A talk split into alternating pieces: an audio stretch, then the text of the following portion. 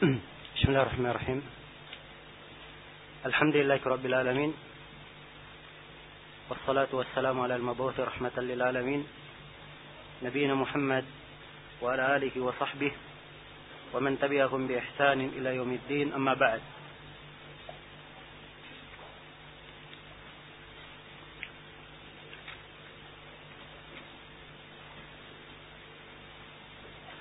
Baik.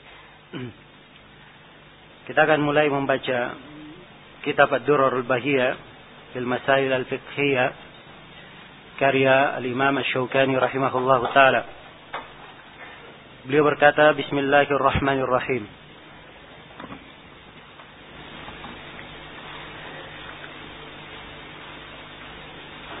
Beliau memulai dengan basmalah Bismillahirrahmanirrahim.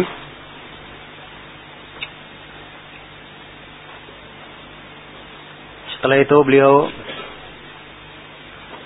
membawakan khutbah pendahuluan. Ya.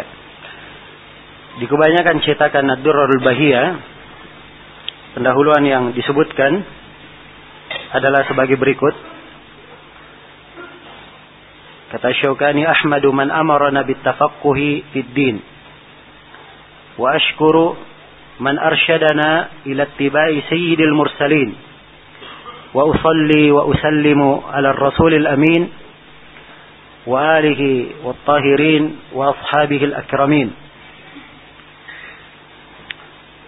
كتب لي أحمد من أمرنا بالتفقه في الدين. Saya memuji siapa yang memerintah kami untuk tafakuh dalam agama. Maksudnya saya memuji Allah yang memerintah kami untuk tafakuh di dalam agama. Dan perintah Allah untuk tafakuh di dalam agama. Di ayat yang saya bacakan di pendahuluan. Yaitu di surat Taubah ayat 122. Falaula nafara min kulli firqatin minhum ta'ifah. Liyatafaqahu fid din. Falaula nafara min kulli firqatin minhum. Andai kata nafara bersegera sebagian dari mereka satu kelompok yang mereka bertafakuh di dalam agama. Mereka bertafakuh di dalam agama. Kemudian kata beliau wa ashkuru man arsyadana ila tiba'il mursalin. Dan saya bersyukur kepada Allah yang memberikan petunjuk kepada kita agar mengikuti jalan pemimpin para rasul yaitu mengikuti jalan Rasulullah sallallahu alaihi wasallam. Dan perintah Allah untuk mengikuti jalan Rasulullah itu di dalam banyak ayat. Di antaranya firman Allah Subhanahu wa taala wa ma atakumur rasulu fakhuduh wa ma nahakum anhu fantahu. Apa yang dibawa oleh Rasul maka terimalah dia dan apa yang dilarang oleh Rasul maka hendaknya kalian berhenti darinya. Setelah itu beliau berkata dan saya bersalawat serta memberi salam kepada Rasul yang amin. Yaitu Rasulullah sallallahu alaihi wasallam dan beliau digelari sebagai al-amin. Terpercaya. Walihi wa tahirin. Dan untuk alihi untuk keluarganya. Kata al itu kadang bermana keluarga, kadang bermana pengikut. Namun di sini dia bermana keluarga. Sebab sahabat ada setelahnya disebut wattahirin dan orang-orang yang suci wa ashabihil akramin dan para sahabatnya yang mulia. Baik ini pendahuluan yang di kebanyakan cetakan Ad-Durar Al-Bahiyah. Dan penduluan ini kalau kita cocokkan dengan apa kitab Ad-Darar Al-Mudiyah syarah Imam Asy-Syaukani dia dari syarah Imam Asy-Syaukani persis di Ad-Darar Al-Mudiyah. Jadi kelihatannya ini pendahuluan dari Ad-Darar diambil. Adapun di Ad-Durar Al-Bahiyah di manuskripnya yang dengan tulisan tangan Imam Asy-Syaukani itu yang kita sebutkan di bawahnya.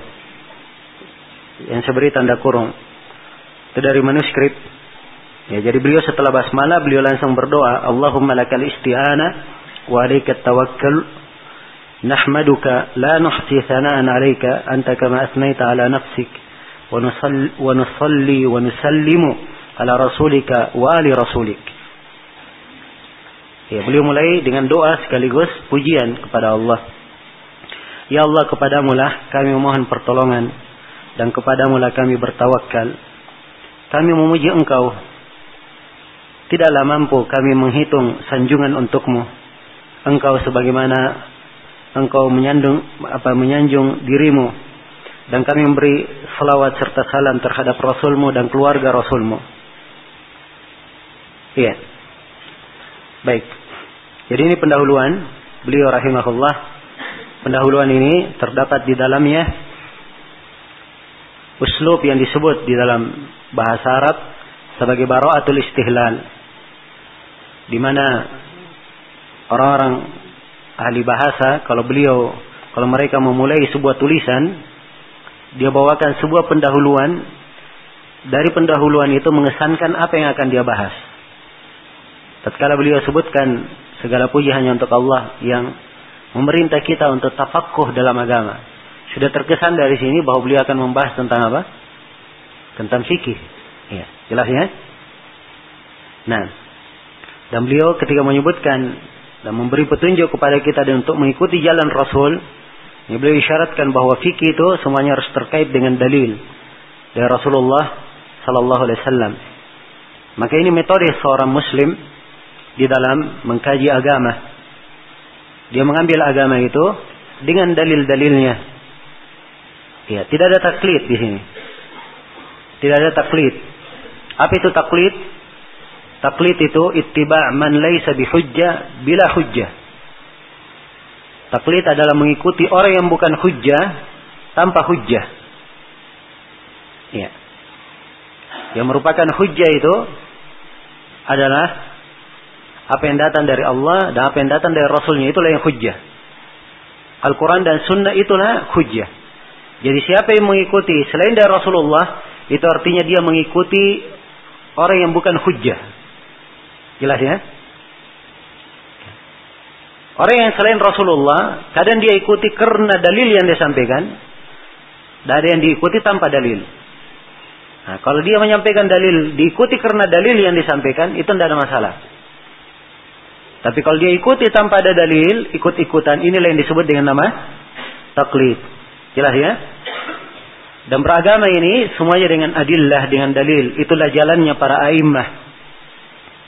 Jalan Abu Hanifah, Malik, Syafi'i, Ahmad bin Hanbal, dan selainnya dari para imam Islam. Mereka semuanya berpegang dengan dalil.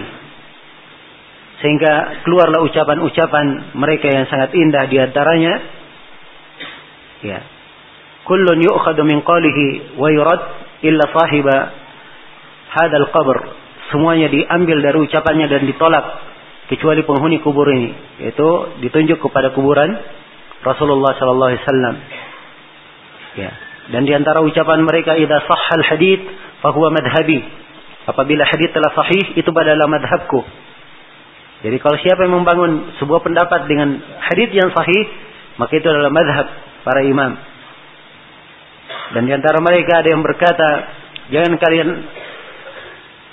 ambil dari ucapan fulan dan jangan pula dari fulan dan fulan disebutkan nama-nama. Tapi ambillah dari mana kami mengambil. Perintah dari mana kami mengambil. Semuanya mengambil dari mana? Dari Al-Quran dan Sunnah Rasulullah Sallallahu Alaihi Wasallam. Maka demikianlah seorang yang tafakuh di dalam agama. Seorang yang mempelajari agama, dia mempelajari dengan dalil-dalilnya. Maka apa yang disebutkan oleh Imam Syaukani, ya, di sini beliau sama dengan ulama yang lainnya. Harus ada dalil yang mendukung apa yang disebutkan. Kalau ada dalilnya maka diterima, tidak dalilnya maka ditolak. Karena itulah apa yang beliau sebutkan, insyaallah taala kita akan terangkan dalil-dalilnya. Iya. Beliau memulai kata beliau kitab at-taharah. Kitab at-taharah. Iya.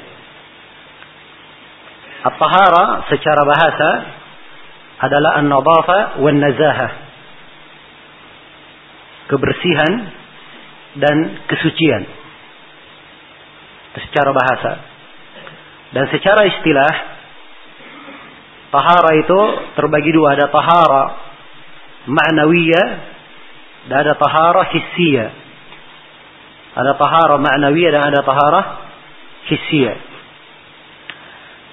Tahara ma'nawiyah artinya tahara yang berkaitan dengan jiwa, berkaitan dengan hati. Dan ini sebenarnya akar seluruh tahara. Ya, sebab tahara hissiyah yang berkaitan dengan jasad itu karena untuk mensucikan apa yang ada di dalam hati. Tahara hissiyah ini seperti membersihkan hati dari kesyirikan, membersihkan hati dari hasad, dari kemunafikan, dari dengki, dari ria, dan selainnya dari hal-hal yang mengotori hati. Dan pembahasan tahara hissiyah ini, ini pembahasannya di dalam buku-buku tauhid, di dalam buku-buku akhlak, di dalam buku-buku adab, ya. Adapun tahara yang dimaksud di dalam fikih itu adalah tahara yang kedua. Tahara hissiyah berkaitan dengan apa? Dengan tubuh. Iya. Ini yang didefinisikan oleh ahli fikih. Jadi kalau kita lihat para ahli fikih mengatakan yang dimaksud dengan tahara adalah ini, berarti tahara mana yang mereka inginkan? Manawi atau hissiyah? Tahara hissiyah. Ada pun tahara hissiyah definisinya dalam di kalangan ahli fikih tentunya definisi itu ya dan ini saya berikan uh, pijakan di dalam menyaring ilmu agama. Ya, ilmu itu banyak sekali. Ya kan? Seorang hendaknya memilih yang terbaiknya. Nah, kalau seorang ingin masuk ke dalam cabang-cabang ilmu, itu enggak ada habisnya. Karena itu kata seorang penyair, "Mahawal ilma jami'an ahadun, la walau marasahu alfasana. Innamal ilmu kabahrin zakhirin, fattakhid min kulli syai'in ahsana." Sungguhnya ilmu itu tidak bisa didapatkan seluruhnya oleh satu orang. Tidak akan mungkin dia dapatkan walaupun dia menuntut ilmu seribu tahun. Ilmu itu lautan yang sangat luas. Nah, karena itulah ambillah dari setiap ilmu itu yang paling indahnya. Karena itu akar pembahasan dalam ilmu yang perlu diperhatikan dalam pembahasan apa saja empat hal yang harus di apa tumpukan perhatian di situ. Yang pertama di dalam definisi. Ta'rifat. Ketika dijelaskan ilmu, lihat definisi setiap bidang. Itu yang diperhatikan dan dicermati. Apa definisinya, apa maknanya. Kemudian yang kedua, yang diperhatikan adalah kawaid dan bawabitnya. Kaidah dan ketentuannya. Iya. Kaidah dan babitnya. Kalimat babit ini bahasa Arab ya. Kalau diartikan dalam bahasa Indonesia, mungkin bisa bermakna kaidah atau ketentuan. Ya, perbedaan antara kaidah dan tabit, kalau kawaid, kaidah itu ketentuan berlaku di semua perkara. Di semua perkara. Ya, jelas ya itu kaidah. Dipahami sampai sini? Adapun tabit dia hanya di satu bab saya. Misalnya hanya di bab muamalah saya jadi pakai ya, di bab muamalah saya dipakai. Bahkan kadang ada di bab riba saja dipakai. Ya. Kadang di bab riba saja dipakai. Jelas ya? Ada yang kaidah umum dia. Misalnya al-umur bimaqasiduha, bimaqasidiha. Perkara itu sesuai dengan maksudnya. Apa niatnya dia melakukan. Ini di semua bab dipakai. Semua bidang. Ada yang satu di satu bidang saja. Kalau satu bidang saja itu namanya apa? Namanya dabit. Contoh dabit di bab riba misalnya, ya. Al-jahlu bit tasawi kal ilmi bit tafadul. Ya, di bab riba. Jahil akan kesamaan dua barang ribawi, dia lakukan transaksi dia jahil sama atau tidak, itu sama dengan dia mengetahui ada yang dilebihkan. Ada dua barang ribawi, dia tahu ada yang dilebihkan. Hukumnya apa? Hah? Hukumnya riba. Kan begitu? Iya. Demikian pula kalau dia tidak tahu dua barang ribawi ini tidak sama atau tidak, dia jahil tentang itu, sama juga hukumnya. Dianggap riba juga. Jelas ya? Ini babit di satu bab riba saja. Dipakainya di mana? Di bab riba. Iya. Maka ini perlu diperhatikan. Dan ini kita kita akan terangkan insyaallah taala ketentuan-ketentuan, sebagian dari ketentuan. Jelas ya? Baik. Kemudian yang kedua, yang ketiga yang perlu diperhatikan, ya, adalah al-furuq, perbedaan-perbedaan. Ya. Kalau dibedakan antara ilmu dengan ini, maka harus dibedakan. Apa perbedaan antara misalnya antara kital al-khawarij dan kital ahlul bughah misalnya. Dua-duanya perang. Memerangi. Tapi ini memerangi khawarij, itu memerangi bughat misalnya. Apa perbedaannya? Atau ada per, apa perbedaan antara khawarij dan bughatnya? Apa perbedaannya? Ini kan furuk, harus dibedakan. Ya. So kalau tidak pandai membedakan, ya. Tiap kali ada orang melakukan kudeta, semuanya dianggap apa? Semuanya dianggap khawarij kalau tidak pandai membedakan. Dan ini keliru. Ya, di dalam disiplin ilmu. Ya. Sebab harus dia pandai membedakan. Karena itu ada buku-buku yang ditulis khusus tentang ini. Disebut dengan nama Al-Furuq. Perbedaan-perbedaan seperti Al-Furuq karya Al-Qarafi. Dari mengikutinya menulis dengan bentuk yang lain. Seperti buku Al-Ashbah wa Nabair. Ya. Karya As-Suyuti. Ya. Dan ada yang lainnya. Jelas ya? Kemudian yang keempat, yang perlu diinikan juga adalah at-taqasim. Ya. Pembagian-pembagian. Pembagian-pembagian. Kan kita sekarang kita bagi tahara terbagi berapa? Terbagi dua. Ini pembagian. Sudah ketahui. Ya, najis. Akan kita terangkan najis terbagi Hah? Terbagi berapa? Ya. Terbagi dua. Ada najasa hukmiyah dan ada najasa ainiyah. Ya. Ini nanti kita akan bagi di bab najis. Jelas ya? Jadi ini yang didetailkan. Dilihat definisinya, pendetailannya. Ini hal-hal yang semuanya mengarah kepada kesimpulan. Nah, empat kesimpulan ini, ini yang kita jangan lewatkan. Setiap kali ada pembahasan, jangan dilewatkan. Apa yang terkait dengan apa? Empat perkara ini. Nah, inilah pijakan-pijakan seorang penuntut ilmu. Kalau dia pandai apa namanya mencatat yang seperti ini, maka akan kuat sekali, ya. Dan sangat bermanfaat sekali apa yang dia catat itu. Baik. Dan ini alhamdulillah apa yang disebut oleh Asyokani di sini, ini kesimpulan-kesimpulan. Sisa kita perhatikan maknanya, ya, kandungannya, kemudian apa pendalilannya. Ya, apa pendalilannya? Kalau beliau sebutkan pembahasan setelahnya, kalau memang ada kaitannya, maka kita cermati apa keterkaitannya. Apa keterkaitannya? Nah inilah fikih yang akan kita lihat keindahannya insyaallah taala di sela-sela pembahasan ini. Baik. Jadi itu definisi tahara. Ada tahara hisia dan ada tahara apa? Ma'nawiyah. Adapun tahara hisia beraneka ragam ucapan ahli fikih. Ya. Di dalam mendefinisikannya, saya tidak ingin berpanjang lebar di sini. Cukup saya sebutkan definisi yang dianggap oleh Ibnu al-Mulaqqin definisi yang paling ringkas dan paling apa? Paling mencakup. Ya, beliau katakan bahwa taharah adalah fi'lun yustabahu bihi salah. Ya. Tahara adalah sebuah perbuatan yang salat itu boleh dengan melakukan perbuatan itu. Yang salat itu boleh dilakukan dengan melakukan perbuatan itu. Itulah taharah. Ya. Jelas ya? Jadi ini sebenarnya kalau dikatakan definisi ya definisi yang paling lengkap. Tapi kalau ditanyakan apa perbuatan itu, nah di sini agak rumit. Jelas ya? Maka mungkin saya berikan definisi lain. Definisi lain di kalangan ulama Hanabila, mereka katakan bahwa tahara adalah irtifa'ul hadas. Ya, sebagiannya ada menambah wa ma fi ma'na wa zawalul. Ya, ini di kalangan Hanabila. Ya.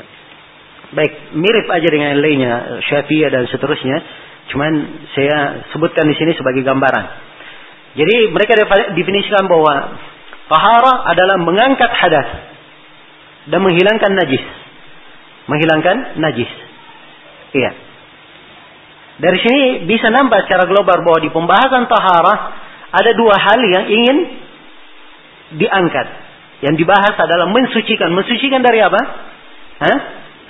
Mensucikan dari hadas dan mensucikan dari apa? Dari khabath. Ya. Mensucikan dari khabath. Hadas terbagi dua. Ada hadat akbar dan ada hadat apa? Asgar. Hadat akbar, hadat asgar adalah hadat yang tidak mewajibkan mandi. Tapi dia membatalkan apa? Membatalkan taharah. Membatalkan wudhu. Jelas ya?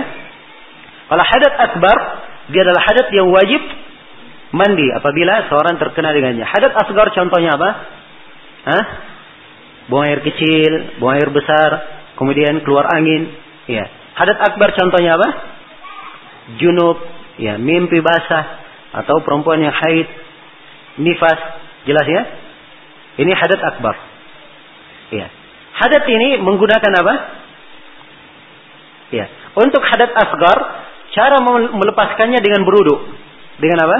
Berudu. Ya. Untuk hadat akbar, cara melepaskannya, mensucikannya dengan apa? Dengan mandi. Wudhu dan mandi dengan apa? Dengan menggunakan air. Ya. Apabila air tidak ada, apa yang dipakai? Ya. Ada yang dipakai adalah tanah. Dan itulah pembahasan tayamum. Jadi secara global ini yang dibahas di dalam apa? tahara. Ini sudut yang pertama menghilangkan hadas, yang mengangkat hadas. Yang kedua adalah menghilangkan najis. Menghilangkan najis. Karena itu di dalam tahara akan dibahas bagaimana ya tentang air itu. Dimulai dulu dari air sebab air adalah pokok yang dipakai apa? Bertahara. Kemudian dibahas tentang kadang ada yang membahas tentang bejana. Ya. Walaupun sebenarnya pembahasan bejana ini ya afdalnya diletakkan di pembahasan apa? Di pembahasan tentang makanan. Afdalnya di situ diletakkan. Karena itu Imam Syaukani tidak ada di sini bejana. Ya. Yang memakai bejana itu biasanya itu di madhab Syafi'iyah. Ya, karena itu Al-Hafidh Ibnu Hajar di Bulughul Maram ada bab apa? Bejana dan kelihatannya beliau mengambil dari Ibnu Daqiq al-Id. Sebab Ibnu Daqiq al-Id di dalam Al-Ilmam ya, Al-Ilmam beliau juga ada kitab tentang aniyah. Jelas ya?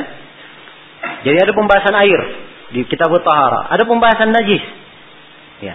Di sini letak pandangannya. Ada mengatakan najis ini dikedepankan pembahasannya. Kenapa?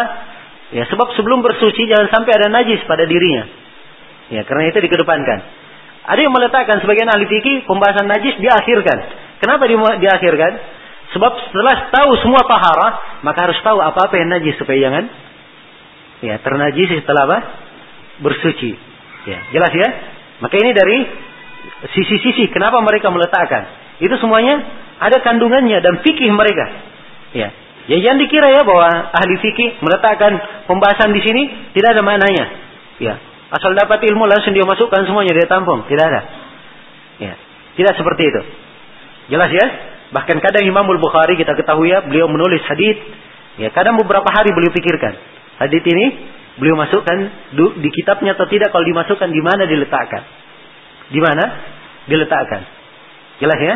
Inilah fikih para a'immah. Baik, jadi itu taharah. Ya, taharah adalah perbuatan yang dengannya setelah melakukan perbuatan itu seorang baru boleh sholat. Itulah dengan cara mengangkat hadas dan dengan cara menghilangkan apa? Menghilangkan najis. Baik, pada setiap uh, bab atau kitab itu saya akan sebutkan poin di bawahnya di diktab di modul antum kita tuliskan poin. Ini poin pembahasannya. Ya, jadi terarah pembahasan. Saya hanya membahas saya, menyebutkan saja apa yang kita sebutkan. Pertama misalnya di kitab Tahara, pertama ada dua pembahasan. Pertama definisi Tahara, itu saya sudah definisikan. Yang kedua hukum Tahara. Ya, jelas ya? Ya kita hanya membahas dua ini saja. Ketika masuk di bab air, saya akan sebutkan delapan pembahasan di bab air. Pembahasan pertama ini. Jadi antum diberikan modul dan sekaligus diberikan catatan. Sebab pembahasan pertama apa isi pembahasannya? Di situlah catatan antum fungsinya. Antum sendiri yang mengisinya. Ya, jelas ya? Dan ini kita berikan judul-judul pembahasan. Kalau antum semuanya sudah pahami jawabannya, apa yang diisi di pembahasan itu, maka insya Allah Taala sudah apa namanya tercukupi apa yang diinginkan dari pembahasan itu. Ya, jelas ya? Dan ini untuk memudahkan. Jangan sampai ada yang keluar dari majelis babul miyah. Apa kesimpulan dari babul miyah? Dari bab akhir Oh, nggak tahu apa kesimpulannya. Ya. Terlalu banyak yang disampaikan oleh Ustaz. Ya. Betul ini sering terjadi. Ya. Dia kadang nggak bisa menyimpulkan. Ya. Tapi kalau ditanya poin per poinnya, dia bisa jawab. Nah, maka dengan uh, cara seperti ini saya pikir insya Allah taala akan lebih mudah untuk dipahami insya Allah dan uh, bekal kita di dalam mempelajari buku ini juga akan lebih bagus. Jadi dalam kitab Tahara ini ada dua pembahasan. Yang pertama definisi Tahara. Sudah kita definisikan. Yang kedua hukum Tahara. Apa hukum Tahara? Jawabannya Tahara adalah hal yang diwajibkan bagi siapa yang hendak sholat. Iya. Pendalilan tentang wajibnya tahara dari Al-Quran dan dari hadits Rasulullah Sallallahu Alaihi Wasallam dan disepakati oleh para ulama. Adapun dari Al-Quran, Allah Subhanahu Wa Taala berfirman, di dalam surah Al-Maidah, "Ya ayyuhalladzina amanu, idza kumtum ila sholati faghsilu wujuhakum wa aydiyakum ila al-marafiq wamsahu bi ru'usikum wa arjulakum ila al-ka'bayn." Wahai orang-orang yang beriman, apabila kalian berdiri untuk salat, ya. Maka cucilah tangan-tangan kalian. Cucilah muka-muka kalian dan tangan-tangan kalian. Usaplah kepala-kepala kalian dan cucilah kaki-kaki kalian. Jadi kalau mau berdiri sholat disuruh apa? Disuruh berudu, disuruh bertahara. Jelas ya? Ini dalil dari Al-Quran. Adapun dari hadis di dalam hadis Abu Hurairah yang diriwayatkan oleh Imam Al-Bukhari dan Imam Muslim, Rasulullah sallallahu alaihi wasallam bersabda, "La yaqbalu Allahu salata ahadikum idza ahdath hatta yatawadda." Allah tidak menerima salat salah seorang dari kalian apabila dia berhadas sampai dia beruduk. Jadi sholatnya tidak diterima ketika dia berhadat sampai dia apa? Dia beruduk. Ini hadis yang pertama dari Abu Hurairah. Semana dengannya hadis Ibnu Umar riwayat Muslim, la tuqbalu salatun bighairi tuhur. Salat itu tidak akan diterima tanpa ada taharah. Salat tidak akan diterima tanpa ada apa? Tanpa ada taharah. Adapun kesepakatan para ulama, ya para ulama sepakat tentang wajibnya bertaharah tidak ada silam pendapat. Ya, kecuali apa yang dinukil dari seorang Syi'i Rafidhi yang bernama Muhammad bin Ja'far At-Tabari. Ya. Ada dua nama ya Muhammad bin Ja'far. Ya, ada Muhammad bin Ja'far At-Tabari, imam kita penulis tafsir. Ya, ini imam besar ya. Ada Muhammad bin Ja'far At-Tabari, ini orang Syiah Rafidah. Dia mengatakan tidak perlu bertahara kalau salat jenazah.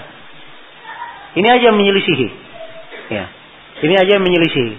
Semua ulama yang lainnya, umat yang lainnya tidak ada yang berpendapat seperti itu. Hanya dia yang berpendapat seperti itu. Jelas ya? Baik. Jadi asalnya bertahara adalah hal yang disepakati oleh para ulama.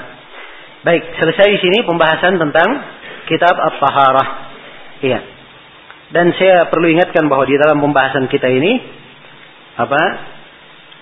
Uh, saya tidak akan banyak menguraikan dalil semampu mungkin kalau misalnya dalam satu masalah di dalam satu masalah misalnya 10 dalilnya saya hanya menerangkan satu atau dua dalil. Ya kalau saya sebutkan lebih daripada itu itu artinya dalil yang saya sebutkan setelahnya ada kaitannya di dalam pembahasan. Ada kaitannya di dalam apa? Pembahasan. Jadi ini metode kita di dalam menerangkan buku ini. Ya jelas ya? Baik Waktunya sudah habis. Ya. Insya Allah taala setelah asar kita akan uh, apa? melanjutkan pembahasan. Hmm? Ya, harusnya jadwal kita uh, pembahasan insya Allah mulai besok itu sudah maksimal dari pagi pada subuh kemudian sebelum duhur seperti tadi kemudian pada asar sampai maghrib, kemudian pada maghrib. Ya.